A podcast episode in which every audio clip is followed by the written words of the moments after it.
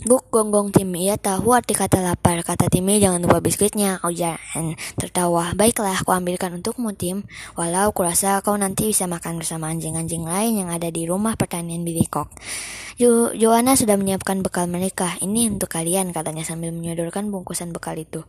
Kalian tak akan kelaparan dengan bekal sebanyak ini. Dan ini biskuit untuk Timmy serta sepotong tulang. Anda baik hati, kata dia sambil memeluk juara, juru masak itu. Joanna tersenyum dengan wajah terseri-seri. Ayo cepat, seru Julian dari luar. Sepeda-sepeda sudah keluarkan, bannya tak ada yang bocor. Lumayan juga sekali-sekali. Tolong bawakan mantelku, Dick. Beberapa menit kemudian barang-barang sudah dikemas semua.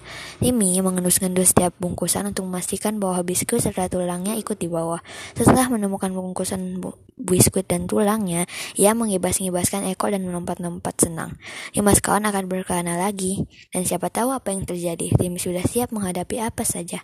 Selamat jalan, kata Bibi Fanny. Ia mengantarkan anak-anak sampai ke gerbang depan.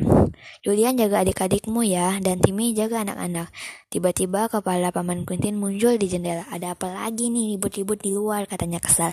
Oh, anak-anak jadi berangkat sekarang. Kalau begitu, keadaan di sini akhirnya bisa tenang. Nah, selamat jalan dan jangan nakal. Orang dewasa selalu begitu nasihatnya, kataan. Mereka berangkat sambil membunyikan bersepeda dengan ceria sebagai ucapan selamat tinggal.